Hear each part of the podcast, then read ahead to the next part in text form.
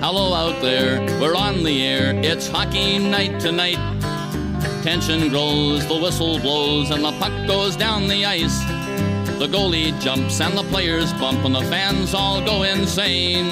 Someone roars, Bobby scores at the good old hockey game. Oh, the good old hockey game is the best game you can name. Hallå, hallå, hallå, hallå, hallå, hallå, hallå, hallå, hallå, hallå, hallå, hallå, hallå. Oh, Danny boy, the pipes, the pipes are calling from glen to glen and down the mountainside. Ja, det är St. Patrick's Day i New York, så, så hände? inleder jag. Vad Det hände? är, det är eh, St. Patrick's Day i, eh, ja, i hela världen. Men det firas extra mycket på Irland och här i New York och ja, i flera amerikanska städer. Och, och då sjunger man irländska ballader. Det var vackert Bjurman. Du, du, du har sjungit några enstaka strofer i podden tidigare, men sådär mycket har du inte sjungit tidigare. Du har ju en sångröst alltså. Jag är ju utklassad i jämförelse. Och Danny Boy, det är låten för dagen. Och med den inleder vi eh, podcastavsnitt nummer 319, va? Precis, 319 och jag känner nu dagen till ära och efter din sånginsats att man blir lite sugen på att ha en Guinness bredvid sig här snarare än ett litet eh, bubbelglas vatten här. Ja, samma här. Jag har bara kaffe. Eh, ja, det är alltså NHL-podcasten med, med eh, Jonte Ekeliv där i Stockholm och eh, mig då en, en, en, en sångglad eh, Per Bjurman i, i, i New York. Och jag har inte druckit några Guinness, jag är nykter, jag lovar. Ah, Okej, Jag det kanske lät som det visserligen då, men eh, Jag sjunger ändå. Jag, jag, det är förmiddag här bara, eller ja, lunch. Och eh, det ska, jag ska gå på hockey ikväll så att eh, jag är spiknykter. Men, eh, men just på St. Patrick's Day så, så, så retas sångnerven. ja, jag förstår. Jag, jag har ju hälsat på dig några gånger, i alla fall minst en gång vet jag. Eh, varit över i New York samtidigt som det varit St. Patrick's Day. Och normalt sett när det inte är coronapandemi så då, då är det nästan svårt att ta sig fram genom New Yorks gator ner till Madison Square Garden en sån här dag. Ja, faktiskt. Det är ju ett... eh, För, för att vara helt frank så är det ett, ett brutalt fyllslag. Ja, så. Eh, vanliga dagar. Det, det kommer in väldigt mycket människor till Manhattan och, och, och, och, och dricker sig plakat. Ja, Det, och parad är det ju också då, men, men eh, nu eh, är det pandemi, så det blir ingenting med det. Men eh, eh, lite ändå i smyg så, så sjunger vi om Danny Boy. Ja det, det tycker jag vi gör rätt i. Pipes, the pipes are calling. Det är en sån fantastisk sång, oh, Danny Boy. Den är så sorglig som man, man blir tårögd bara man tittar på texten. Ja, Ja, jag blev munter i alla fall när du sjöng. ja. nu ska vi inte eh, prata irländska högtider eller sång. Vi ska prata om NHL som vanligt. Och för en gångs skull har vi ju lite timing, bra timing idag, Jonathan. Det brukar vara så att vi spelar in och en timme efter så, så, så exploderar stora nyheter. Men nu fick vi några nyheter innan vi satte oss vid mikrofonerna. Ja, det är fantastiskt att eh, NHL-världen och general managers och sådär har börjat ta hänsyn till NHL-podden till slut då. Och tänker på oss och tajmingen så att säga. Mm. Ja, the un, uninevitable... Ja, det där varit fint. Det varit bra ut. Det blev ja, så det. Det var min, Ja. var från den här fina sånginsatsen till min nivå igen. Ja. ja, det oundvikliga då har ju hänt här på förmiddagen eh, att eh, Eh, Ralph Kruger har fått sparken som coach för Buffalo Sabres. Och eh, det, enda, det enda förvånande med det är att det sker först nu. ja, precis. Alltså 12 raka förluster står de på nu och de är sist i hela NHL. Och, ja, som du säger, eh, det var oundvikligt och det enda märkliga som sagt är tajmingen då. Han har ju varit, alltså de här rösterna har ju höjts för länge sedan. Ja. eh, i, bland fansen och så här. Och det har varit oförståeligt varför de inte har sparkat honom. Och det har ju sneglats återigen mot Pegulas, ni vet, som jag alltid brukar skälla på ägargruppen. Och det gör ju fansen också. Att det ska, alltså att anledningen till att det har dröjt så länge ska ju typ handla om snålhet. Eh, Ja. Att de har ju redan sparkat Jerry Manchin, Jason Botterill till exempel och han fortfarande på lönelistan. Och, ja, de sparkade ju jättemånga där i somras. De sparkade ju 17 scouter, eller vad det var. Ehm, och eh, Kruger har ju egentligen kontrakt i ett år till då, på en ganska saftig lön. Det är nästan 4 miljoner dollar per säsong. Eh, och där måste de ju betala nu. Så det handlar, har ju handlat lite om att, tror man i alla fall, att Pegula-familjen in i det sista hoppats att motivatorn Kruger ska kunna vända på det här. Men det, det visste vi för länge sedan att det hade kört fast. Ja, vi har ju pratat om det här eh, i flera veckor nu, men eh, saken är ju den att det har bara blivit värre och värre och värre. Eh, de har lyckats borra sig ner i, ett, i en avgrund så djup så att man faktiskt häpnar. Det, det, alltså på något vis så, ja, det var ju förlusten igår kväll då mot New Jersey som hade förlorat 11 raka och såklart fick eh, glädjen att klippa av den sviten genom att ta emot Buffalo. Det var väl, ja det var ju slutet. Men, men redan kvällen innan så var det, det yttersta bottennappet var nog 6-0 förlusten hemma mot Washington. De såg så hemska ut så de, de hade fått stryk av alla AHL-lag skulle jag säga om de spelade som de gjorde då. Och Ja. reaktionen efteråt var ju, det var ju, jag var ju tvungen att skriva artiklar om det. Mike, Mike Harrington, krönikören på Buffalo News som har följt dem emot, han fick ett regelrätt vredesutbrott i tidningen. Ja, det är en av de hårdaste sågningar jag någonsin har läst i hockeybranschen. Alltså han måste ju ta i så mycket så att det är helt extremt nu. För det, är, det är inte första gången vi hänvisar till en Mike Carrington-sågning. Va? Han har ju varit, han har haft anledning att, att, att få utbrott tidigare. Liksom, och han har använt sådana uttryck som att det är värsta han har sett och sådär. Nu måste han ju ta i ännu mer. Liksom, för superlativen räcker ju inte till längre. Ja, ni är tjuvar. Ska, ni är tjuvar som stjäl. Ni ska skämmas. De menar att, att spelarna att de får lön, att det gör dem till tjuvar. Ja, exakt. Den är hård. Den är stenhård. Men han gick ju på alla, eh, som du säger, ägarna. Han tyckte att de hade kört organisationen i botten. De ägnade sig åt Buffalo Bills istället. Och bara för att det går bra för det laget så är inte det här ursäktat. Kevin Adams, general manager, fick sig också råsop om att eh, han har visat att han inte duger i det här jobbet. Han är handlingsförlamad och gör ingenting. Och Kruger fick sig också en, en, just för att han också har sett så handlingsförlamad ut att han aldrig blir arg. Han beskrev att de sitter, journalisterna sitter igenom morgonvärmningar och träningar och tycker att det redan där syns att det är bara skit. Det är ingen, det är ingen intensitet och de kan inte slå passningar till varandra och Kruger höjer aldrig rösten. Tyckte jag. Var, och så spelarna då. Varenda eh, eh, profilerad spelare, inklusive Rasmus Dahlin, de fick sitt av, av sleven. Ja. Ja, nej, men det är, ju, det är ju en fruktansvärt hemsk säsong och bara en sån här grej då att de har lika många segrar som de har mållösa matcher. Ja, det är helt otroligt. Ja. ja. Nej, men det, ja, det finns så många att peka på här, men i och med att det handlar om Kruger just nu, att han till slut får sparken, så ja.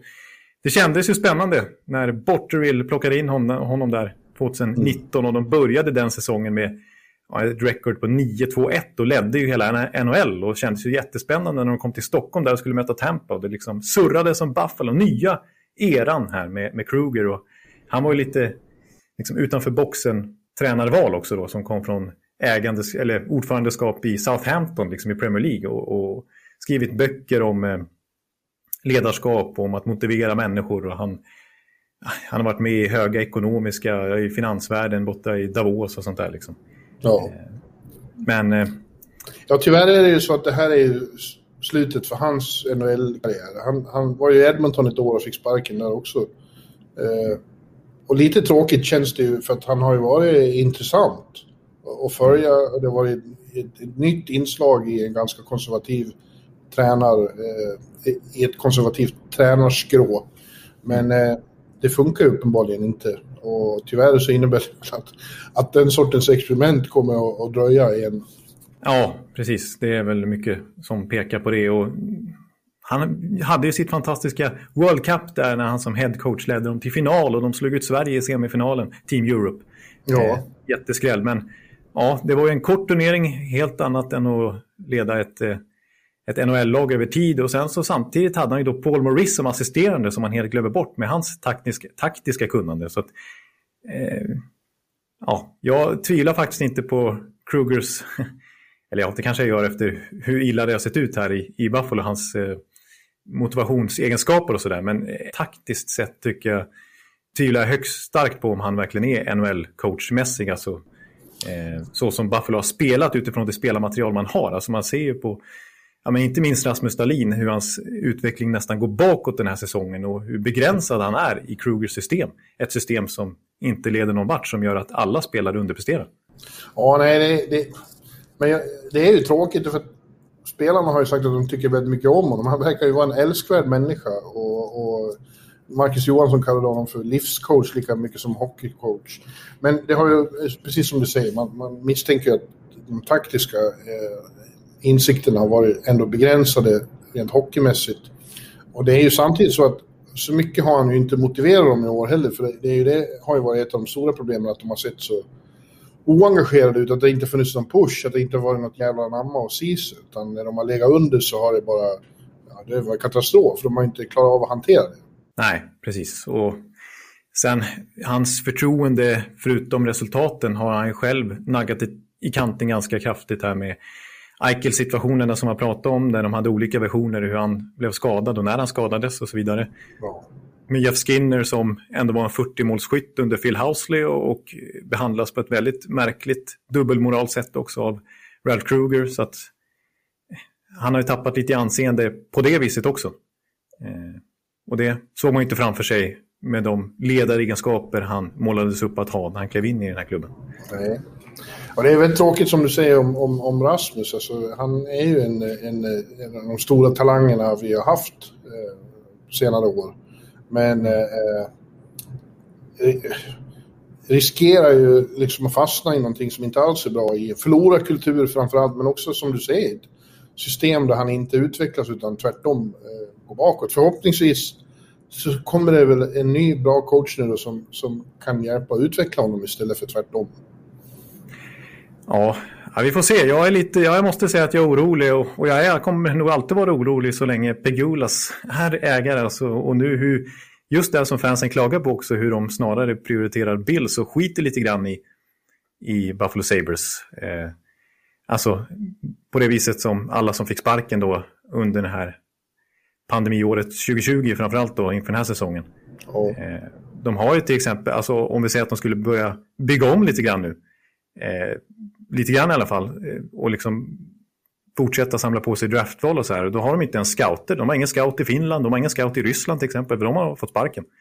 Och liksom Kevin Adams som ny general manager, visst det var imponerande att han tog in till exempel Taylor Hall då, vann den. Han lyckades knyta till sig honom, men samtidigt så var ju det ett budgetalternativ. Att, ta, ja, att, att, sätta Kevin Adams på den positionen. Och nu har de ju, det är inte så att de lanserar Bruce Boudreau eller Gerard Galant här som direkt ersättare till eh, Kruger, utan det är ju Granato, Don Granato, eh, som får kliva in från assisterande och ta över här på interimbasis. Men det har ryktats om att de kanske är ute efter en Steve Ott, som aldrig varit headcoach, som är assisterande St. Louis nu, som det är ju headcoach, eller en, till och med Matt Ellis, en gammal spelare som nu, som aldrig varit headcoach på någon hög. Han har varit headcoach för ett U13-lag. Ja, eh, det, låter liksom, som, det låter som budgetlösningar också. Ja, det är liksom för att eh, och, och anledningen till att det tog så lång tid med Kruger hade ju också att göra med att, lite ekonomiskt då. Eh, så nej, det känns inte lovande på sikt eh, hur Pegula ser på den här klubben. De, de, de, de ser det som en sidogrej som de vill spara pengar på och inte blöda mer ekonomiskt. Ja, det är, det är otroligt trist och synd om, om, om en, en eh, alltså fanbase som är enormt lojal och engagerad. Buffalo har fantastiska supportrar. Fotboll är absolut super, det är ju störst där också. Och, och mm. De är överlyckliga i Buffalo över att Bills har blivit så bra. Men de är ju väldigt engagerade i Sabres också. De har fått lida alldeles för länge, Sabres-fansen. Mm. Och, och, de ligger på gränsen till Kanada, så det är verkligen hockey-country också.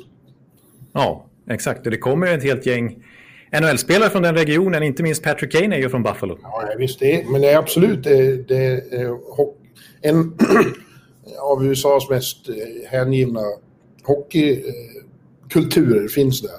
Just det där med Kanada också. Det enda hallen där de alltid spelar båda nationalsångerna oavsett om, om... Just det, det är till och med så pass, bara en sån grej. Ja. ja.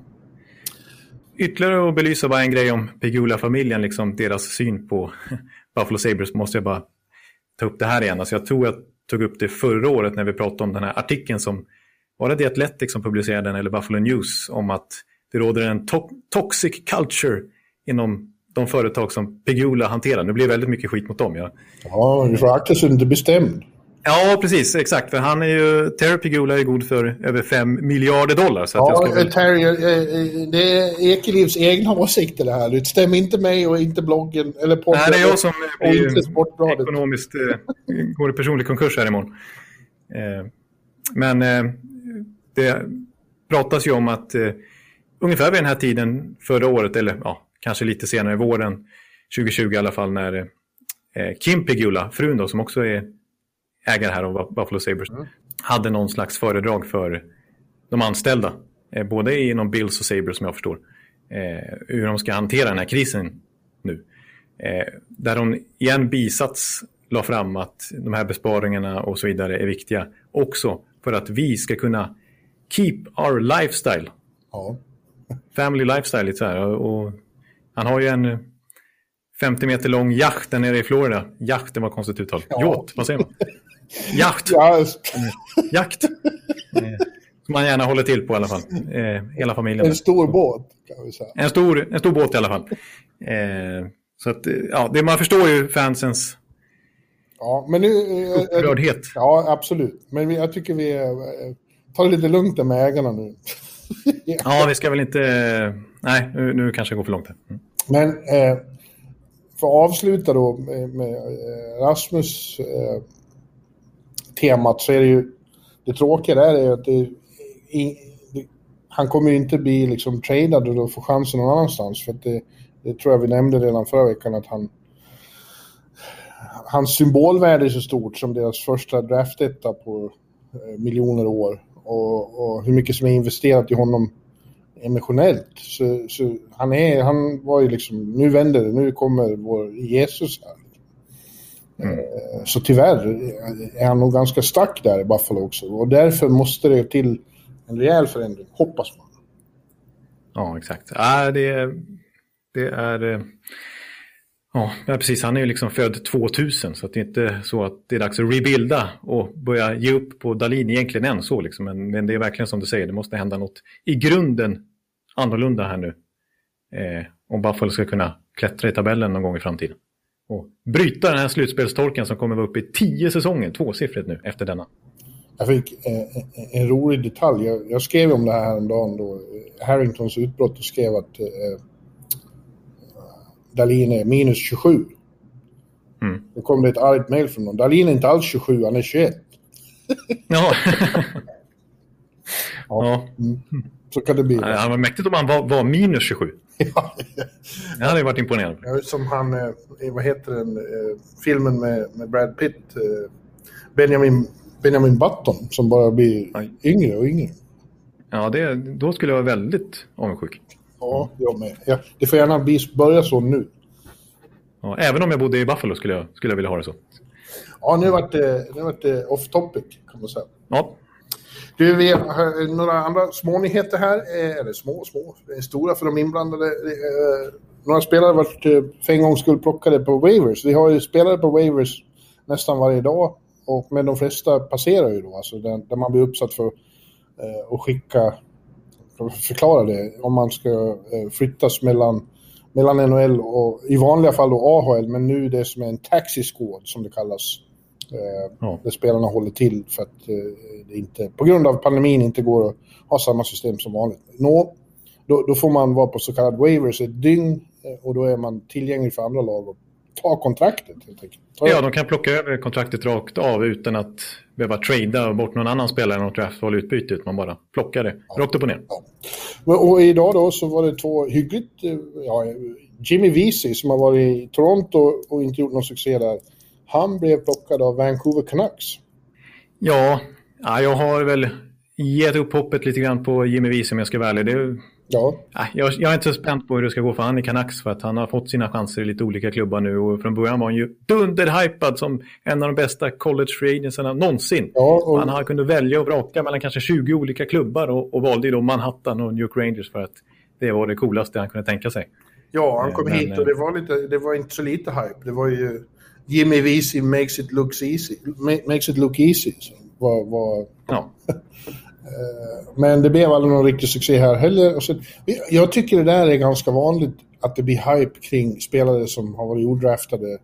Och det blir enorm draft och sen eh, så, eh, visar det sig att det fanns en anledning till att de inte var draftade. Nej, precis. Det finns ganska många misslyckade exempel på sådana college free agents. Vi har ju till exempel i Oskarshamn nu, Max Verno, eller man ska uttala det, som ju var en jättehypad college för några år sedan och nu spelar i Oskarshamn. Det säger väl lite grann om hans nivå.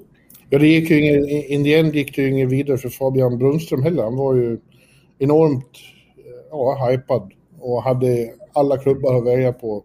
Och det började onekligen, han gjorde hattrick i sin första match. Eh, Just det. Men sen hade det svårt att, att, få till karriären, tyvärr. Det var en trevlig pojk och kul att ha att göra med. Men ja, så blir det. Nej, en som ändå, det var lite huggsexa om, som, som man ändå får säga har lyckats. Kanske inte så extremt bra som hypen var då, men ändå slagit igenom får man säga. Det är ju Kevin Hayes. Ja, Hejsan svejsan. Hejsan svejsan, ja. ja. Eh, men det, det är ju snarare regel än undantag att de är överhypade i slutändan. Chris Kriley kom ju hit till New York också som college-spelare, men han, han var nog draftad ändå, det var han Ja, han var ju draftad, ja precis. Men han kom direkt från college och gick in i slutspelet ett år där. Just det. Ja. Ja. ja, och sen är det då Anton Forsberg som får fortsätta sin resa, 2021-resa. Eh, han har ju varit mm. både här och där och nu varit uppsatt av Winnipeg då på, på, på waivers och eh, Ottawa tog honom. Ja, det blir hans fjärde klubb då. Ja. Eh, och han har fortfarande inte spelat en enda match i år. Varken i AHL eller NHL, utan han har bara kastats runt i olika taxi squads då. Ja, han får se sig omkring. Ja, det får han göra i alla fall. Och jag, ja, det har ju varit Carolina och det har varit Winnipeg och det har varit Edmonton och nu alltså Ottawa. Och jag tror att han kanske, det är risk att han fortsätter studsa runt där för att en fördel om man ser från ett klubbperspektiv med Anton Forsberg i det här läget är ju att eh, det är ingen slump att det har varit just tre kanadensiska klubbar för då slipper han karantänen. Ja, ja precis. Eh, och det har vi sett många målvakter som har blivit wavade nu i år för att eh, om det är någon som är skadad så behöver man kalla upp någon, alltså ja, man behöver en tredje keeper. Ja, de har lite problem med målvakterna i Ottawa. Eh, Murray, ja. Murray har som, precis som podden kunde slå fast, inte varit någon succé. Högberg är skadad och de har, ja, han behövs där. Ja, precis så. Han är ju liksom på gränsen mellan AHL och NHL kvalitetsmässigt. Han har ju nästan bevisat sig duga i NHL. Men inte riktigt för liksom han ska vara en prioriterad pusselbit att behålla. Men behöver man liksom backup om man har en liten skada på, sig, på någon målvakt eller någon skavank där och, och, vill stärka upp lite så vet man att Anton Forsberg kan gå in och göra ett hyfsat jobb i alla fall. Ja. Och det känns som att han har hamnat i limbo där. Att eh, inte riktigt vara önskad limbo. någonstans, men ändå. Inte i limbo, limbo. Ja, precis. Han har ju verkligen inte hamnat i någon limbo. Nej. Han kanske åker runt mellan de här klubbarna i limo. Det tycker jag han förtjänar. Efter... Ja, istället för taxi. han är i limousinskåden. Ja, ja exakt. Ja. Du, eh, ett par saker som jag inte tog eh, han med när vi gick igenom körschemat som jag inser att vi måste nämna, Jonte. Mm. Eh, vi har ju haft några milstolpar och jubileum här. Mm. Det stora är förstås att Alex Ovechkin har passerat din gamla vän Phil Esposito, eller som du brukar kalla honom, Esposito. Esposito. i alla tiders eh, skytteliga och nu är ensam sexa är han väl? I, eller femma rent av. Nej, sexa. Ja, ja, är det sexa kanske? Mm. I alla tiders skytteliga och eh, samtidigt nådde han 1300 poäng häromdagen. Det är ju eh, fantastiskt att vi har en aktiv spelare this day and age som, som seglar uppåt på den listan eh, och passerar spelare som lirade under en era när det var otroligt mycket lättare mål. Ja, precis. Alltså, även om jag håller det för högst osannolikt att eh, Ovechkin skulle nå ikapp Gretzkys 895 kassar. Nej, eh, det... Speciellt med de här förkortade säsongerna. Ja, nej, det var ju en, en diskussion ett tag eh, när han kom upp på 700 var det väl, om han, om han skulle... Men, men det var ju innan vi hade pandemi och, och korta säsonger. Det, nu kommer det inte att gå, det, det är ju bara så. Nej, nej, precis. Men även om man kanske slutar tvåa, tre, trea, fyra på, på, på listan över mest antal mål så är han för mig i alla fall den, och det har vi sagt förut, den bästa renodlade målskytten NHL någonsin har sett. Ja, han kanske kommer upp i 800 ändå. Det är väl målet nu då. Då kanske han når ikapp, eh, vad, vad ligger Gordie Howe på? Det är väl där. 801. 801 ja, precis. Och det, han skulle ju kunna sluta två i alla fall. Ja. Och han har ju snart, han har Marcel Dion framför sig nu. Han ligger ju till. Ja. Uh, ja, men uh, intressant var också att vår, hans radarpartner i Washington, Niklas Bäckström, häromdagen kom upp i 960 poäng. Uh, och därmed gick upp jämsides med Henrik Zetterberg på alla tiders svenska poängliga i NHL. Just det. Och eh, är ju den enda aktiva svensken som är i närheten av att liksom avancera högt upp på den listan. Han har nu bara Mats Sundin, Daniel Alfredsson, Niklas Lidström och bröderna Sedin framför sig. Eh, och, ja, är fantastiskt med Bäckis. Han är, som, som vi har konstaterat flera gånger så, så är det ju så också att uh, han är inte färdig på långa vägar. Han är en som kommer att kunna spela i många år. Alltså han är ju i sin nästan bästa form någonsin. Han börjar ju säsongen med att göra tio mål direkt och aldrig nått den noteringen så snabbt. Så han, han, han, är ju i, han är ju fortfarande i sin prime nästan, rent poängproduktionmässigt. Ja, det är han. Verkligen. Och i årets svenska poängliga så drar han ju ifrån i toppen. Han är ganska eh, tydligt vår bästa spelare just nu. Ja, ja, så är det. Och jag fick en fråga på Twitter faktiskt från Niklas S. Eriksson inför podden som ville att vi skulle, apropå just den noteringen då att eh, han och Zetterberg står på samma poängantal nu, 960. Eh, så ville han att vi skulle diskutera lite grann. Vem av de två i sin prime skulle vi helst vilja ha i vårt lag? Oj, oj, oj, oj, den är svår den. Ja, jag kände också det. Den är otroligt svår. Jag försökte tänka på det lite kort och, och ramla omkull nästan. Ja, båda har ju varsin Stanley Cup, men Z har också en Conn Smythe. Därför att mm. året när de vann, det första året, hans, hans insats då i att neutralisera Sidney Crosby står mm. för mig ändå ut i relief på ett sätt som nästan ingenting annat jag har sett här under mina år från en svensk. Eh, och, och eh, det som kallades Conn Smythe-bytet i, i, i den finalserien mot, mot Pittsburgh när, det var, när, när Detroit var tre mot fem i kritiskt läge i, i, i Iglon. Mm. Eh, Lidström, Kronwall, Z är inne i nästan två minuter och försvarar sig. Och Z är helt, helt, helt enorm. Och det är Doc Embrick som, som utbrister då. Celebrate again, this is the Conn Smythe shift. Ja. ja, det är sjukt. Och, om man nu skulle tro att det bara är Doc Emricks och Per Bjurmans åsikt det här att, att eh, Henrik Zetterberg neutraliserade Crosby så extremt då. Ja, det, det, så är det ju naturligtvis inte i och med att han vann Conn Smythe till slut också. Men, nej, det var inte men, bara jag och Doc som delade ut det. Nej, nej precis. Och eh, sen var det faktiskt så, det sägs ju i alla fall det, att Crosby på sommaren sen när han skulle sommarträna inför nästa säsong spikade upp en eh, bild på Henrik Zetterberg med Stanley Cup-bucklan i sitt gym och hade det som motivation under hela sommaren då. Den här jäveln alltså. Ja, det Nästa kan jag tänka år. mig, för han var inte på isen många sekunder utan att han hade eh, säta i nacken. Ja. Alltså jag, jag tänkte faktiskt på det också när jag eh, lite kort här innan podden funderade på den frågan. Att om man tar dem i sin prime, alltså Zetterbergs prime då när han vann Conn Smythe, det slutspelet inte minst, men ja, de åren där egentligen. Så ja, det, vem skulle inte vilja ha han i sitt lag? Alltså, Bäckström är också väldigt mångfacetterad. Han får ju också mycket cred för sitt defensiva spel och, och för sin mångsidighet helt enkelt. Men eh, ja, det är möjligt att, att Bäckström är en lite skickligare spelare, en ännu vassare passningshjärna. Det finns ju inte många som har det hockey-iq som han har. Men, eh, men Zetterbergs Nej, ja, Nej jag skulle nog faktiskt... Ja, ja, inte, inte ett ont ord om, om Beckis förmåga, men Zätas, just den där förmågan att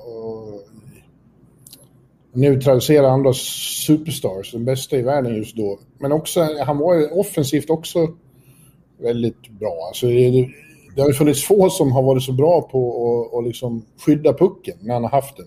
Det var nästan omöjligt att ta pucken av. Lite så här Jagger-rumpa. Ja, ja. Om man inte kommer runt. Men ja. De har stora rumpor i njurunda.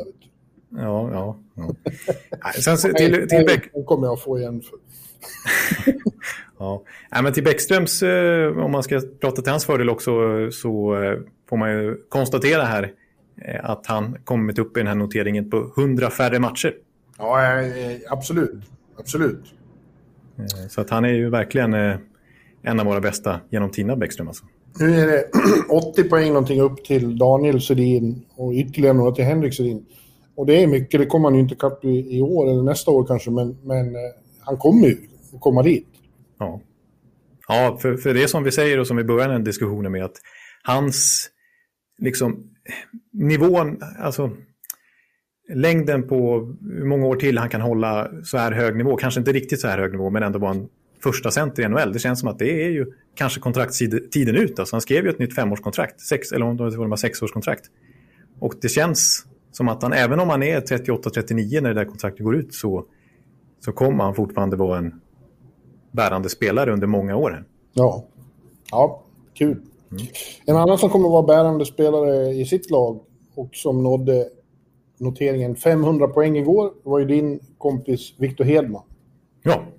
Med en assist till Steven Stamkos, vilket han sa själv efteråt passar ju bra. För att det verkligen så många av mina poäng kommit till. Gratispoäng som han kallar det, men det är det ju inte. Pucken ska fram också. Ja, så finns det någon... Ja, det finns det ju. Det, det är väl en, så även de flesta NHL-svenskar, men det finns ju få som är så ödmjuka som Hedman. Alltså, ja, det är, ja, ja, det är han har någonsin svårt. sagt något positivt om, om sig själv. Nej, det är väldigt svårt att få honom att säga det annat än att han försöker bli bättre hela tiden. Men han, han säger jämt att andra är de bästa i världen. Han eh, sa jämt att Tobias Enström, det är bästa backen i världen. Ja, han är en otroligt fin, fin pojk, Viktor. Det är han. Han är eh, Ja. sina föräldrars... Han har fått en väldigt god uppfostran av, av, av mamma och pappa uppe i Övik. På Färbovägen. Eh, och han kommer.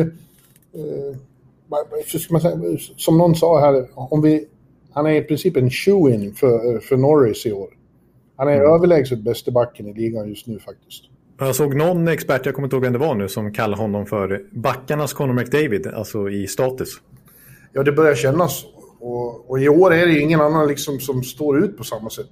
I, i fjol så såg man ju som Don Carlson och Roman Josie var väldigt domine, dominanta också. Men det är ju ingen annan riktigt som är det.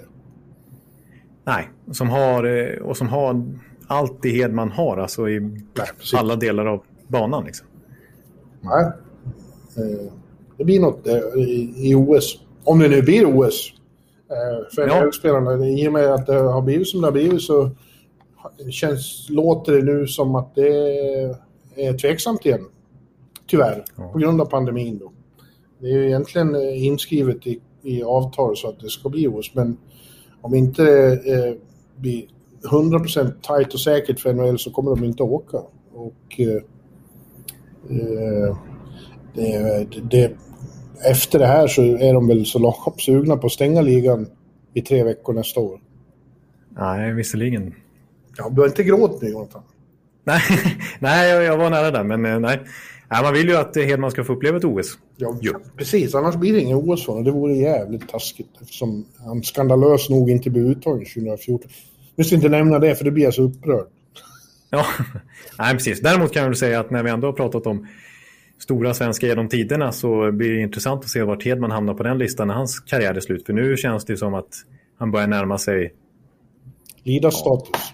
Lidas eh, statusen. Visst, det är sju Norris Trophy vi snackar då, men Ja. det är... Eh, Men kom ihåg en sak. Lidas var 30 eller 31 när han fick sin första. ja, precis. Han var i Hedmans ålder nu och då har Hedman redan en. Ja. Och kommer snart plocka in en till. Så att, mm. Ja, ja we'll see. Du, apropå du nämnde där att någon hade eh, bett oss prata om något. Jag har, har fick frågor, eller jag, fick, jag, jag frågade i bloggen igår kväll. Eh, har ni några önskemål om något vi ska prata om? Och jag fick bara, nej inga särskilda önskemål, bara Ekeliv pratar lite norska igen.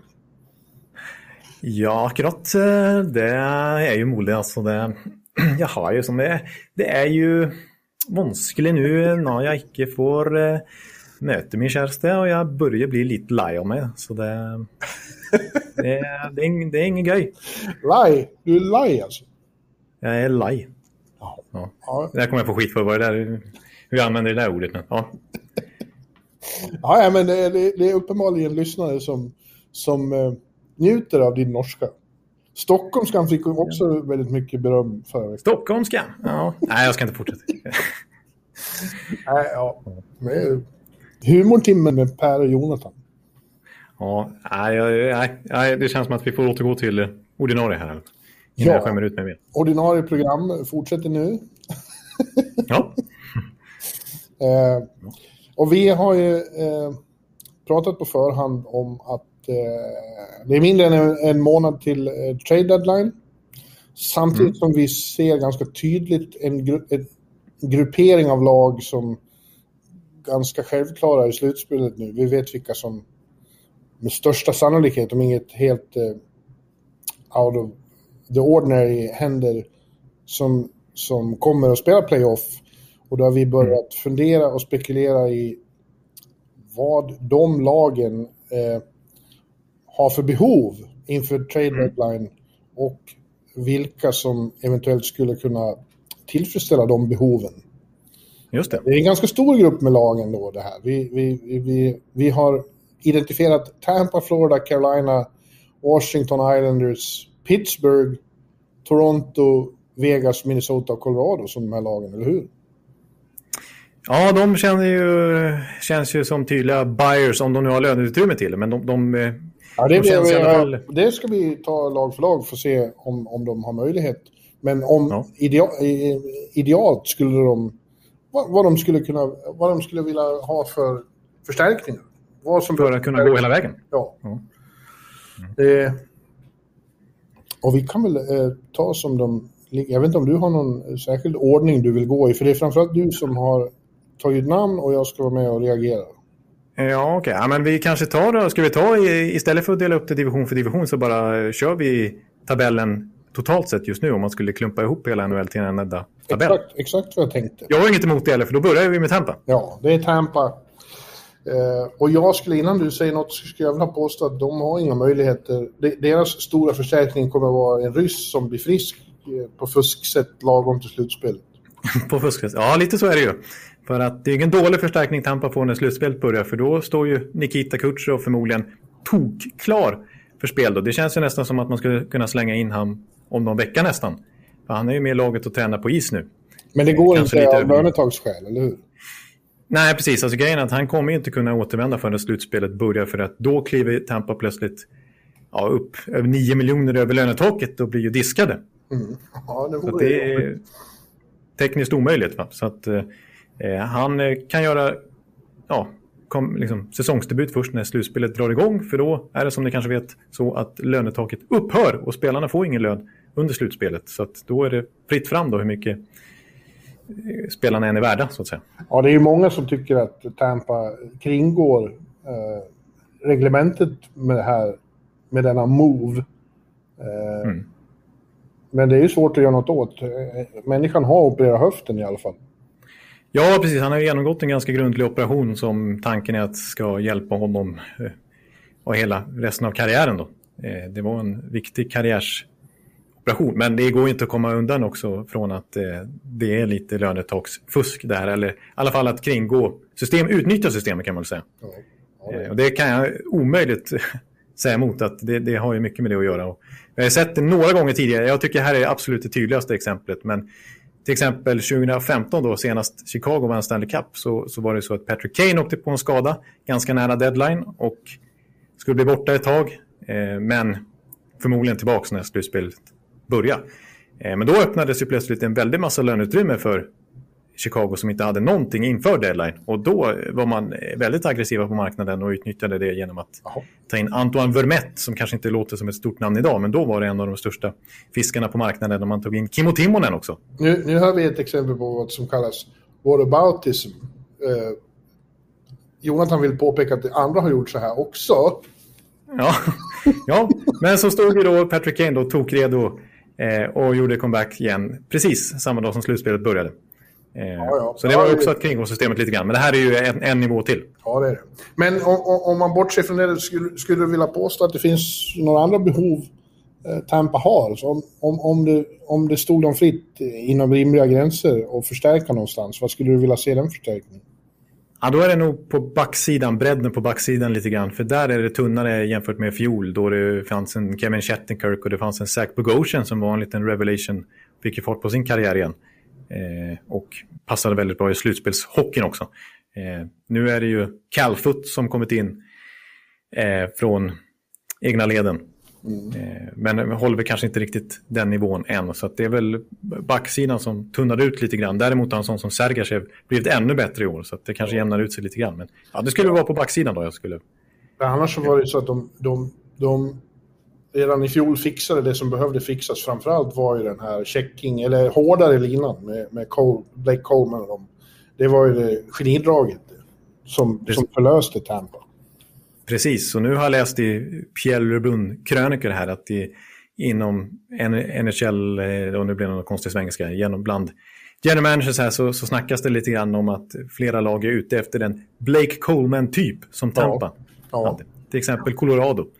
Eh, så att det, det, det har satt ett litet exempel här inför den här deadlinen. Ja, det är en copycat-liga. När, när, när de ser att något sånt fungerar då vill alla göra likadant. Men det är inte alls säkert att, att det fungerar. För Toronto har ju redan gjort det genom att ta in Wayne Simmons. Eh, men det ska ju vara rätt spelare också som funkar på, på, i rollen och är lika bra som Coleman var. Det är inte alla som klarar det. Nej, precis. Det är, det är, inte, det är trots allt olika spelare, spelare för spelare. Liksom. Ja. Tvåa i sammanlagda tabellen är ett annat Florida-lag. Det är The Sunshine State som eh, dominerar NHL, får vi säga, även om det är fler på samma poäng. Men vi har Florida Panthers där då, som ju har genomgått en metamorfos den här säsongen. Patrik Hörnqvist har tillsammans med Q och Ulf Samuelsson implementerat en helt ny eh, inställning i, bland pantrarna. Ja. Ja, här får jag ge dig lite cred då som hade Florida på slutspelsplats och du kände dig ganska spänd på dem inför säsongen och jag valde att peta dem precis under slutspelsstrecket till förmån för Nashville. Ja. Men de har... Lite olika utgångspunkt eh, inför deadline för de två lagen. Ja, men ja, ja minst sagt. Jag, eh, ja, jag trodde i och för sig på Florida som slutspelslag, men de har ändå överträffat mina och jag eh, skulle tro alla andras förväntningar. Och sina egna också. Ja, det tror jag. Att det har gått så här bra. Ja. ja, det blir spännande att se hur de agerar, för de har ju ganska mycket löneutrymme. Och det beror ju på att de inför säsongen eh, fick Bill Zito nya general manager reda på där att vi kommer inte kunna spendera till lönetaket denna pandemitid. Eh, så att eh, visst, de ligger faktiskt bara 4-5 miljoner från lönetaket. Men rent salarymässigt, om man kollar vad de faktiskt betalar ut i lön den här säsongen, så är det runt 68 miljoner dollar. Så det är ju 12, 14 nästan miljoner dollar upp till lönetaket. Ja. Så att de har en intern budget då, så frågan är om de är beredda att satsa nu när det har gått så bra och kanske ja, vara ute efter de stora namnen här på marknaden. Ja, men ja, vilka, vilka skulle det vara? De, de, de, jag skulle, om jag var eh, Bluesido skulle jag möjligen vara nervös för målvaktssituationen. Även om eh, Bobrovski har varit bättre än i fjol och, och vad säger man? Chris... Eh, Dreger skulle jag säga. Dreger också varit bra. Så eh, det känns som ett lite, litet frågetecken kanske. Men eh, de har ju... Ja, Ekblad och Uyghur är ett fantastiskt backpar. Ja, Uyghur tycker jag.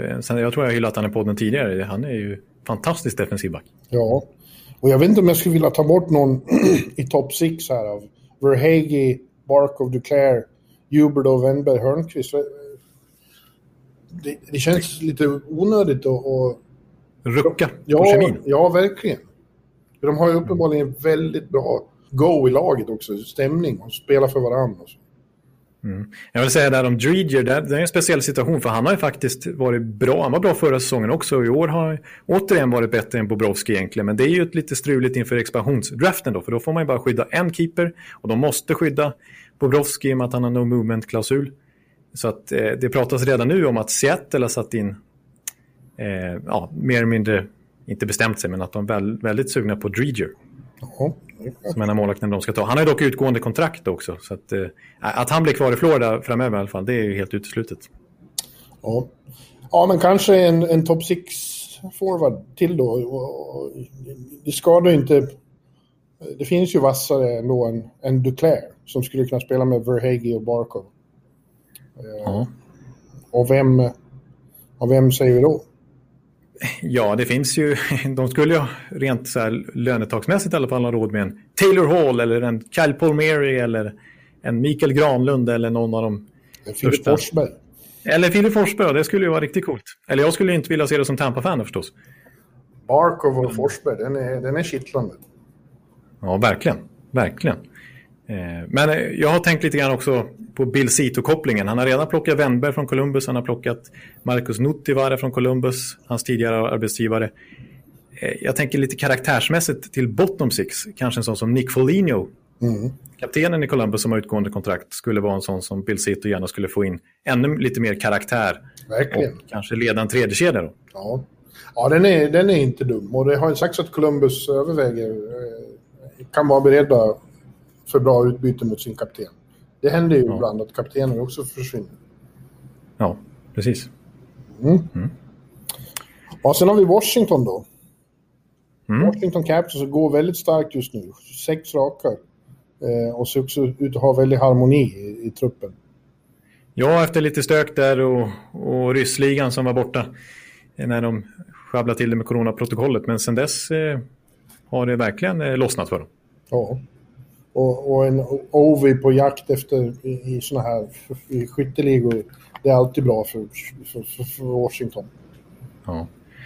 Och här är det också rent krast ganska ont om löneutrymme och inte så lätt att röra, göra några moves. Men jag har sett i alla fall att de undersöker målvaktsmarknaden i och med att Henke Lundqvist inte blev som tänkte att de skulle ha en rutinerad backup till eh, en etablerad rutinerad backup. Nu pratar de ju om att han kan vara, att de finns en liten chans att han kommer att spela den här säsongen.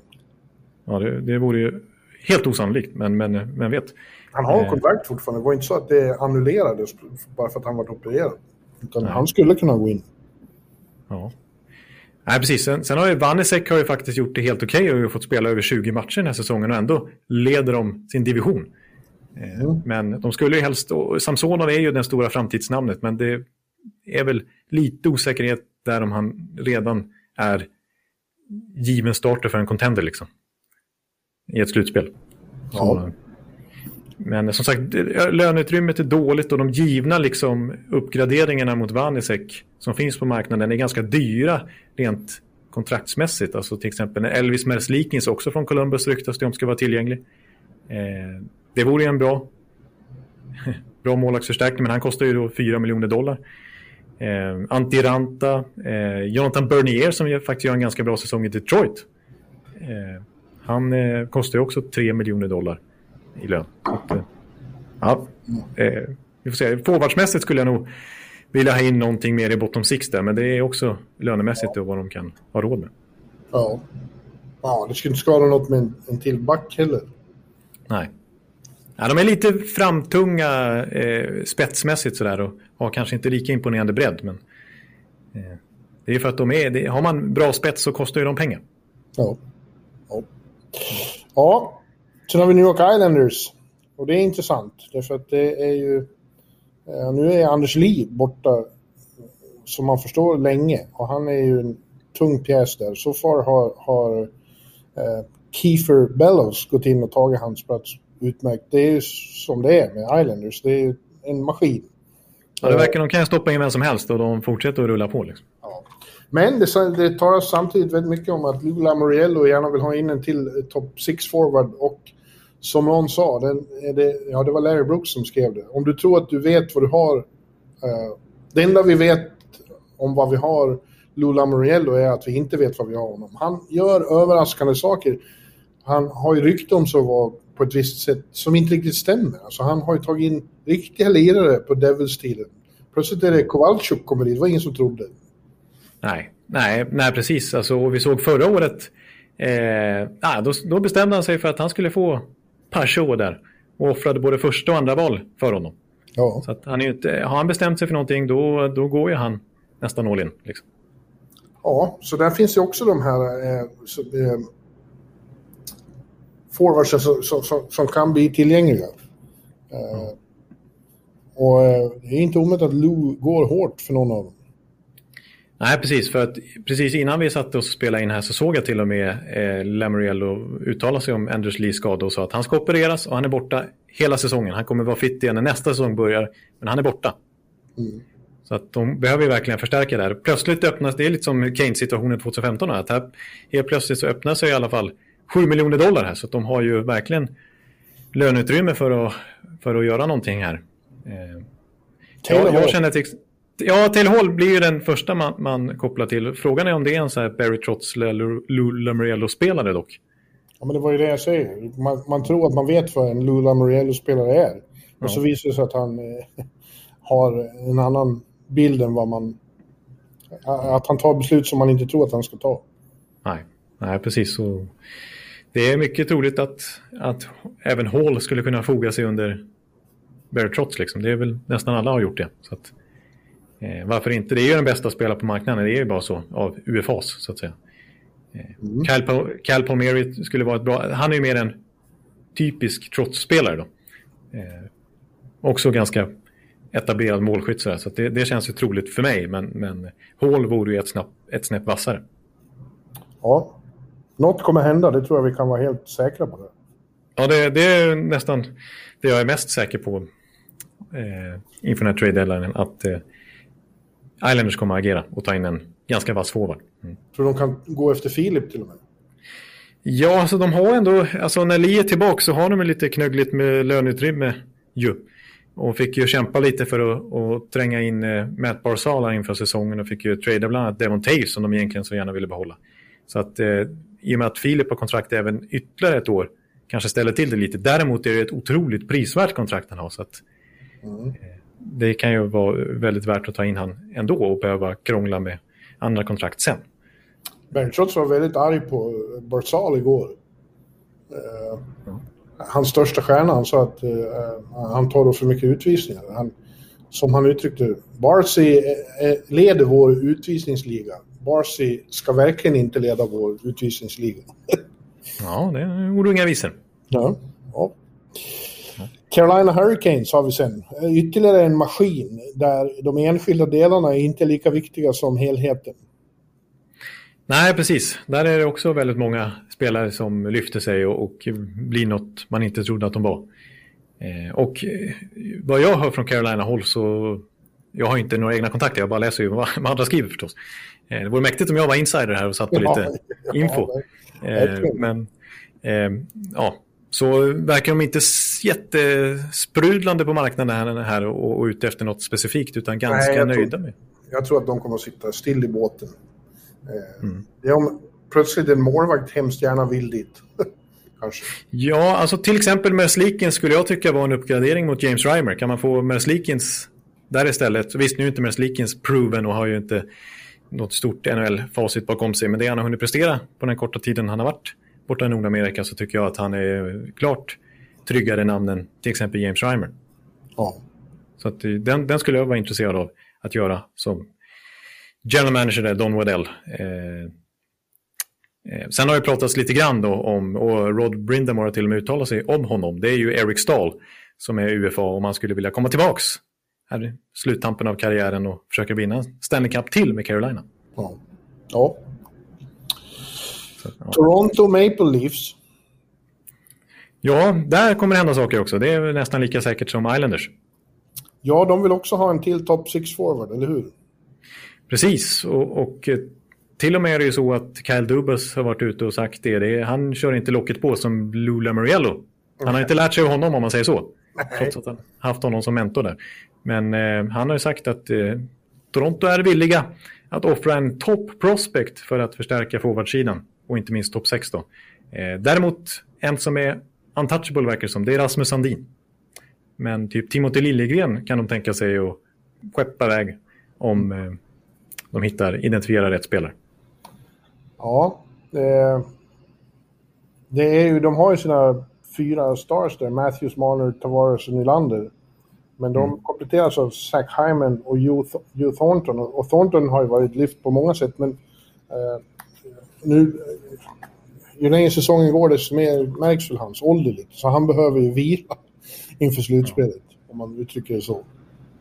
Ja, och det Ja, det går kanske rent kvalitetsmässigt, även, en, eh, om, även om man drar in en utvilad Thornton, att, att hitta en uppgradering där, verkar det som att de tycker. Eh, så ja, det, det, nämn en då. Ja, det pratas om alla möjliga namn tycker jag. Här. Både spelare som fortfarande har kontrakt eh, något år till eller UFAs. Kanske inte så mycket Taylor Hall direkt för att han har ju så enormt hög lön så att det är ju omöjligt. Men, men det känns omöjligt i alla fall. Men det, det, det suktas ju efter Filip Forsberg till exempel. Ja.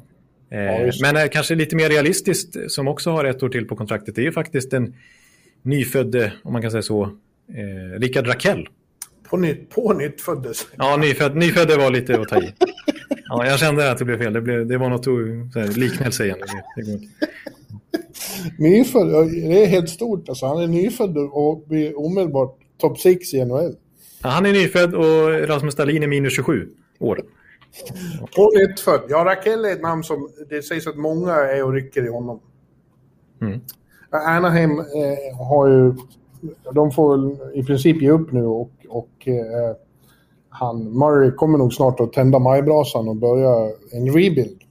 Och då är, är, är flera av svenskarna kan bli aktuella för flyttare och Rickard är definitivt en av dem. Ja, precis. Det kändes nästan som att han var ute aktivt på marknaden från Anaheims håll för någon månad sedan. När, för att hans dagar som 30-målsskytt, han hade ju faktiskt två raka säsonger med över 30 mål där. Eh, då byggde han verkligen upp en, en status som en, liksom, en riktigt vass målskytt. Men sen har han inte alls levt upp det de senaste säsongerna och inte började speciellt lovande i år heller. Då, då kändes det som att Anaheim, som du säger, kanske börjar snegla lite mer åt det rebuild-hållet nu. Eh, att han skulle vara en av de första de, de skeppar iväg. Men nu har han varit så bra. Så att plötsligt framstår hans kontrakt på under 4 miljoner dollar per säsong som nästan fyndmässigt. Ja. Och då är frågan om, nu ryktas det lite grann om att Anaheim kanske ja, inte är så sugna på att trada han igen. Speciellt i dessa pandemitider att ha en så skicklig spelare för ett så lågt kontrakt marknadsmässigt sett. Men det Men de beror skulle på vad man får. ganska mycket för honom. Ja, det beror på lite vad man får för honom.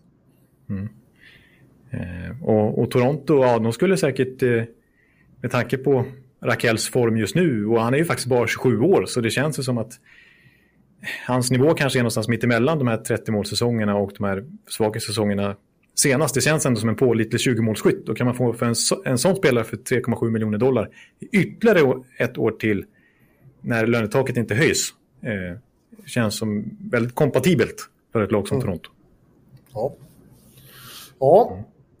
Vegas, eh, de eh, brukar ju vara aktiva, men eh, i år känns det... Du, du tycker att de behöver en, en center till, men jag tror att de kommer att sitta ganska still. Ja, så jag ifrågasätter lite grann om man kan vinna Stanley Cup med Chandler Stevenson i topp 6. Som en bärande center. Men han har gjort det bra och har ju bra kemi där med Pacioretty och Stone. Eh, och de har ju så bra lag i övrigt. Liksom. Eh, Ja, Men, de har eh, gjort sådana stora saker inför säsongen. Chandler Stevenson var det en, en i Vegas, kan jag ta om, som eh, beskrevs som ligans mest underskattade spelare. En jag pratade med här om sist. ja. Ja. Eh, Ja. Ja, bättre Nej, men än, då- vad, än, vad ni, än vad ni tror på Åsögatan. Ja, ja, ja. Mm. Eh, nej, men, eh, och, men samtidigt så, så, så är ju Vegas... Eh, varje deadline i organisationens historia har de gjort något betydande. Ja, Första året så gick de efter Thomas Tatar och offrade ganska mycket för honom. Och nästa deadline så gick de ännu hårdare för att få Mark Stone. Och förra året tog de in Robin Lehner. Ja Max Pacioretty kom dit och det, det var eh, eh, Samba-orkester som tog emot. Och Ja, precis. Det, det var ju på sommaren, men ändå. Det, även, alltså om, man, om man bara räknar deadline så har de alltid gjort, alltid gjort någonting. Men det var visserligen bara tre år då, men, men de, de gillar inte att sitta stilla i båten där. Nej, men jag tror att de gör det nu. Jag tror det blir svårt för dem att, att, att få något riktigt stort. Eh, En stor center är svår att hitta. Vem skulle det vara? Ryan Johansson? Nej, precis. Cent- Centrar är väl nästan det, det svåraste att eh, hålla på med. Och de har ju inget löneutrymme, så då måste något stort kontrakt åka tillbaks. Nej, jag, tror, jag tror det blir svårt att lösa, så att på det viset är jag lite inne på din linje att det kanske är enklast att bara eh, sitta lugnt i båten och, och vara nöjd med det fantastiska lag de har. Ja, målvakter har de. Och det har de verkligen. Ja. Robin är off eh, IR, nu också. Så att, eh, ja. Eh, Minnesota då, tror du de gör någonting efter sin, eh, vi får lov att kalla det succéartade säsong? Eh, där eh, det går utmärkt även på målvaktssidan med Kapp och Käkinen. Och, och Talbot är bra backup, det är hans stora roll. Och eh, man hittar en jävla kemi eh, bland väldigt många spelare. ja, de verkar ha väldigt roligt när de Ja. spelar hockey. Och de är roliga att se på som varit inne många gånger också. Men det, det andas spelglädje och harmoni där om Zuccarello, och Kaprizov och Fialla och allt vad de heter. Ja, och då är ju min gamla käpphäst att man ska vara väldigt försiktig med att mässa med den sortens eh, eh, harmoni. Ja. Ja, och jag känner lite grann att de överraskar lite i år ändå trots allt. Då relativt mycket i truppen är fortfarande ganska ungt. Visst, det finns en struktur Paris och sådär, men många av de nya bärande spelarna, spelarna är inte speciellt till åren komna. Eh, så jag tror inte det här är det året med stort Å för Minnesota. Med stort Å? Ja, det, det lät inget bra, hörde. Eh, det lät som om det var någon slags försök till stilism, men det var två plus. Du är för rolig. Alltså. Ja. Men, eh, så att jag, jag, tror inte att de kan konkurrera med Vegas och Colorado som de måste förbi i den här divisionen i ett slutspel om de ska komma ända till konferensfinal. Så jag tycker de ska hålla sig ganska lugna Minnesota och fortsätta utveckla de spelarna de har. Ja, istället för att offra framtid. Liksom. Och vem vet, ibland händer det ju osannolika saker. Eh, så att, eh, de har ju ingenting att förlora, känns det som. Nej, nej, verkligen inte. Däremot kan de ju de behöver inte vara sellers för att hade de legat, legat längre ner i tabellen så hade de kanske offrat en Bonino eller en Marcus Johansson eller eh, ja, Ian Cole och sådana som sitter på utgående kontrakt. Nu kan ju, de kan man säga bli deras rentals. Yes. Mm. Ja. Vi har Pittsburgh eh, som går, ja nu fick de sviten avklippt mot Boston igår men fram till dess hade de sex raka och ser bättre ut än vad jag trodde. Mm. Uh, och där kan det komma att hända saker, tror vi i alla fall. För att, uh, det har pratats länge att de vill uh, rusta upp sin topp 6 och även, även i fallet Pittsburgh så pratas det en del om Filip Forsberg. Ja, precis. Och när Hextall och Burke har kommit in här med tydlig kravbild den här säsongen i alla fall att gå för det. Mm. Det, här, det är inget snack om att Pittsburgh ser sig själva som contender. Och så är det ju. Så att de vill nog sätta prägel på det här laget. Eh, och ytterligare liksom förstärka runt Crosby, Malkin och Letang och sådär. Men eh, frågan är förresten hur det är med Malkin då som, som var lite oroväckande bilder på igår om, om det är en längre skada på honom eller bara något litet. Eh, men eh, absolut skulle de vilja göra någonting. De har inte heller något löneutrymme så jag vet inte riktigt hur de ska lösa det men de har ju erfarna killar där uppe i front office som säkert kan laborera lite grann. Det pratas faktiskt om att gamla Rutherford-favoriten Marcus Pettersson kan ryka om de vill skapa löneutrymme. Ja, och det har det ju sagts. Ja. Eh, så vi får se riktigt vad de ska göra. Jag har ingen sån här uh, on top of mind-lösning för att klämma in Filip Forsberg där hans kontrakt. Men det vore en superförstärkning. Det vore det verkligen. Ja. Igen, eh. Filip och Crosby. Ja. ja, det vill man se. Det vill, man, man se. Det vill man. Colorado de har eh, problem med skador även i år. Eh, nu har några mm. kommit tillbaka, men de har fortfarande Kel McCarr och Brian Byron och Eric Johnson och JT Comfrey. Och, och målvaktsbackupen Frankie på skadelistan. Jag gillar ju att jag har lärt mig uttalet där av huvudpersonen själv, Franchos. Ja. Mm. Vad tror du de vill då? Ja, där pratas det ju med tanke på Franchos skada. Att man kanske och liksom målvaktshaveriet som det blev till slut i förra slutspelet i bubblan där, att, att de också skulle kunna tänka sig en Merslikins kanske, eller, eller någon av målvakterna som finns tillgängliga. Pekarinne. Pekka, ja, Pekka Pinne, men han, där, han ska ju finish karriären i... Ja, vad konstig svengelska igen, jag ber om ursäkt. Han ska avsluta karriären i, i Nashville då, och att han är untouchable till och med. Ja. ja. Eh, men och sen har jag också tänkt lite grann där på Columbus-kopplingen, att de har haft lite med varandra att göra. Och Chris McFarlane är ju gammal Columbus executive och har ju tydligen mycket att säga om. Han är assisterande till Joe Sakic, men det är mycket han som sköter businessen där vad jag förstår. Och, eh, och det har pratats om, som, som jag sa här i inledningen, att de varit ute efter en Blake Coleman-typ. En lite ytterligare sandpapper till middle six. Och eh, då tänker jag också även där Nick Foligno kanske. Ja. Eller en spelare som jag hade väldigt, gav väldigt gott intryck på mig. Senast Detroit var i slutspelen, det var ju otroligt länge sedan. Men de mötte ju Tampa både 2015 och 2016 i de slutspelen. Och en som var väldigt bra på att faktiskt neutralisera Tampas spets då var Luke Glendenning. Ja, intressant. Eh, och han är ju UFA och eh, där ryktas det vara ganska stort intresse från många klubbar. För det är ju en billig värvning också. Eh, men som för fem år sedan i alla fall i slutspel var väldigt bra. Mm. Ja, eh,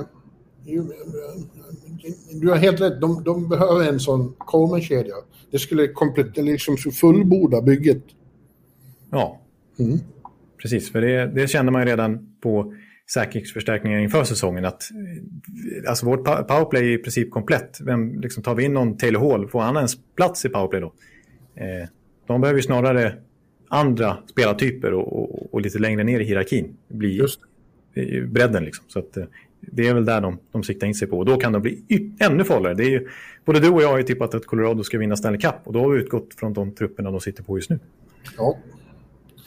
Eh, hur ska vi göra nu då? Ska vi se Winnipeg och Edmonton som slutspelslag också? Det sa vi ju inte. Men i sammanlagda tabellen så är de före Boston till exempel. Ja. Eh, ja. Winnipeg, där har ju ryktats om eh, Ekholm. Ja, Mattias Ekholm är ju ett namn som eh, flera, även Boston ska vara väldigt intresserade. Jag vet inte, Philadelphia ligger ju längre ner. De känns just nu inte som något slutspelslag tyvärr. Det var ju ett strörykte där eh, som du smsade mig om eh, för någon vecka sedan där om Viktor Arvidsson och Mattias Ekholm i ett paket till ja. Philadelphia. Ja. ja, det var intressant. De kanske kommer vara köpare ändå. Jag tror Philadelphia vill ju till slutspel. De vill inte ge upp. Nej, verkligen. De är ju inne i en fas där de ser sig själva eh, som ett lag som ska gå för det också. Så det vore ju fiasko om de missar slutspel. Men det är intressant med Ekholm. Eh, han har ju sedan han kom tillbaka från eh, skada här så har han varit grymt bra. Ja, gjort mycket eh, mål. Ja, det, eh, alltså de jublar i Nashville hur, vilken nivå han håller både offensivt och defensivt. Eh, ja. Och speciellt nu när både Roma Josie och Ryan Ellis är borta också får han spela enormt mycket. Ja, Ja, så att, eh, och det kan ju innebära att Nashville eh, drar öronen åt sig och inte vill trada honom. Men om de vill så finns det gott om, om eh, köpare. Ja, precis. För som du nämnde också, och som jag kan understryka ytterligare, så alla medier i princip, The Athletic i deras senaste trade board här, så säger de att han är, han är huvudnumret. Ja. Han är den som alla vill ha den absolut mest eftertraktade spelarna. Så att Nashville kommer verkligen kunna få mycket för honom. Honom ska vi ha. Ja, precis. Ja. Jag har tänkt på Boston där, som jag, jag har argumenterat i flera poddar för Boston. Men en nackdel för dem om de tar in Mattias Ekholm i och med att han har ytterligare ett år kvar på kontraktet, det, som är väldigt prisvärt då ska vi tillägga, det är därför han är så attraktiv. Men det är ju, då måste man ju återigen väga in expansionsdraften. Eh, för att oftast skyddar man ju bara tre backar för att då får man skydda sju forwards. Men skyddar man fyra backar då får man plötsligt bara skydda fyra forwards. Eh, så det är en väldigt stort glapp där. Och, ska Boston skydda tre backar så är det i nuläget eh, Charlie McAvoy, Brandon Carlo och den som de tror så mycket på, Matt Grislick. Mm. Eh, tar de in Ekholm då måste de ju plötsligt lämna Grislick eller Carlo gratis till Vegas, eller Seattle. Ja. Så det är ju något att, att tänka på också. Tough luck. Vill man gå för det så kostar det. Ja, precis. Och skulle passa perfekt på deras vänstersida där känner jag, om Mattias Ekholm. Så att, mm. Det går inte att leva utan risk, som eh, det går att påminna om under dessa tider. Men vi ska inte ge oss in i den debatten. Nej, nej visserligen. Och tänk vad Julian Brisbois hade sett dum ut om eh, Tampa inte hade vunnit Stanley Cup och åkt ut tidigt när han offrat två första val för spelare som Coleman och Goodrow. Mm. Eh, det var ju väldigt ifrågasatt vid tidpunkten. Eh, så det gäller att våga. Ja. Ska vi, ska vi nöja oss så eller ska vi tippa att eh, St. Louis och Montreal och Edmonton eh, och Chicago också går att och hoppas kunna förstärka? Eh, ja, det kanske de gör visserligen, men eh, ja. Jag vet inte om vi behöver nämna någonting där. Vi kan ju nämna att eh, sen senast vi spelade in så har Jordan Binnington skrivit på ett mastigt kontrakt i alla fall. Ja. 6 miljoner dollar i, vad var det, sex år till? Fem år till? Ja, ja det får de ju göra om de vill. Jag tror inte riktigt på det, men eh, okej. Okay. Nej, jag känner också att det var ett eh, tveksam investering. Eh, Binnington har inte hållit den extrema nivå han höll när de gick hela vägen. Han har varit väldigt ojämn sedan dess. Men, ja, det... Om Matt Murray fick 6 miljoner dollar så kan jag förstå att Binnington pekar på samma siffra. Ja, de känns... Eh, det känns eh, logiskt att nämna de två i, i samma andetag, tycker jag. Tyvärr. Ja. Liknande genombrott liksom. Och så eh, utvecklings... nedåt pikande... Ah, nu blev det konstigt, förlåt. Det blev svengelska där igen. Ni, ni fattar vad jag menar. Mm. Men du Eka, nu ska jag börja göra ordning här för att jag ska ju få återuppleva eh, en eh, sensationell eh, tilldragelse som jag var med om för eh, bara två dygn sedan. Eh, ja. Jag äntligen kom tillbaka till garden och eh, fick se en match med publik för första gången på över ett år. Jag har ju varit på matcher, men det har varit tomma hallar i New York och i Tampa. Mm. Nu, nu får ju då eh, New York-lagen eh, släppa in 10% av kapaciteten eh, är tillåten. Så det var 1800 på Garden i måndag som kommer att vara ikväll. Jag har redan börjat kalla dem The Aderton 100. för att, ja, för, för, att eh, precis som, som så många har vittnat om som har varit med om det här förut under de senaste veckorna så 1800 är väldigt lite, liten folkmängd men det gör enorm skillnad enorm, enorm, enorm, enorm skillnad. Det, ja, ja det, det framgår med all önskvärd tydlighet hur du febrade i bloggen efter, efter den där upplevelsen. Att, eh, ja, det var fantastiskt. Alltså, hallen lever igen och människor... Amerikaner är ju som de är också. De, är inte blyga, de sitter utspridda då, en för en. Man ser alla och de märks ju. Men de är inte det minsta blyga utan de här 1800 ställer jävla namma till med fest och skriker och hejar och buar och, och, det blir en organisk upplevelse igen jämfört med de här artificiella upplevelserna med, med tom hall och, och konstgjort publikljud. Det är något helt annat. Jag var, jag var nästan tårögd när ja. jag satt. Ja, du, du satt ju och, och du hade ju gåshud där i taxin hem också när du tänkte ja. på vad du precis varit med om. Ja, ja. Ja, eh, God bless eh, människor. Alltså ja, det ja, ja. Jag eh, unnar dig det och blir samtidigt lite chalu här för att prata norska. Som inte ja. får vara med om det här själv. Alltså. Det låter ju fantastiskt att sitta i en arena med publik igen. Även om det bara är 1800 så är det något helt annat mot noll. Ja, och vi, vi eh, hoppas att utvecklingen fortsätter i rätt riktning här i USA. Massvaccineringen accelererar hela tiden och vi eh, förhoppningsvis blir det mer och mer människor som tillåts på vissa håll så är det på väg att bli nästan halvsatta arenor i, i till exempel Vegas och Dallas. Mm. Eh, så att, eh, det går åt rätt håll och eh, ja, man värdesätter varenda liten åskådare som kommer in. Gris-Olle är ju där och skriker liksom. Man hör ju honom. Ja, exakt. Jag tänkte på det. Jag tänkte nämna det när du pratade Rangers där, att Gris-Olle är väl på plats. Ja, absolut. Han hörs. Och eh, en sån klassiker som Dancing Larry är ju där. Ja, han där också. Ja, just det. Det var länge sedan. Ja, och han dansar ju jumbotronen i tredje perioden med sin eh, klassiska dans. Otroligt att se. Och, och, det vart ju bra stämning i den här första matchen mot Philadelphia då, som vi har retur mot ikväll. Som Rangers har retur mot ikväll, inte vi. Oj, oj, oj, nu höll jag på att ställa till det igen. Jag är inte vi med Rangers. Jag håller inte på dem. Eh, Nej, men du har sett eh, för miljonte gånger. tresiffrigt antal matcher. Eller fyrsiffrigt eller på att säga. Ja, snarare. fyrsiffrigt ja eh, Det vart ju spännande också. De gjorde en skit... Första perioden var skit, men sen kom de igen och vände och, och kom ikapp och vände och sen tappade de igen och förlorade till slut på övertid. Men, men det vart ju liksom upphetsad stämning. Det var e- enastående att uppleva. Ja, Exakt, för det, även om det var, var liksom jämna slutspelsmatcher i bubblan till exempel, där det verkligen där det blev sudden death och allt stod på spel och så här, så ja, det var väl inte samma sak som att, när 1800 pers är med i en grundseriematch. Det är, då rycks man med ännu mer. Liksom. Ja. Ja. Ja. ja. Och nu ska jag alltså gå tillbaks. Och, eh, idag slipper jag dessutom bli eh, covid-testad. Eh, nya regler, har man testats inom tre dagar så behöver man inte testa om sig. Ja, just det. Det är bara knalla in och sätta sig och knattra. Ja. Kaskadblogg, kaskadskriva som Simon döpte det till en gång. Han såg Oj, det lät nästan otrevligt. Han, han, beskrev mitt sätt att blogga som kaskadskriva. Det bara sprutar. Ja, jag skulle välja något annat ord tror jag. Men eh, det var ju ty tydlig metafor i alla fall. Ja, det är ju faktiskt så att jag firar mitt 10 000 inlägg vilken dag som helst här nu. Det, det blir fest. Ja, det blir fest. Eh, då måste ni vara inne på bloggen. Och ja. eh, det kommer firas lite på Sportbladet också.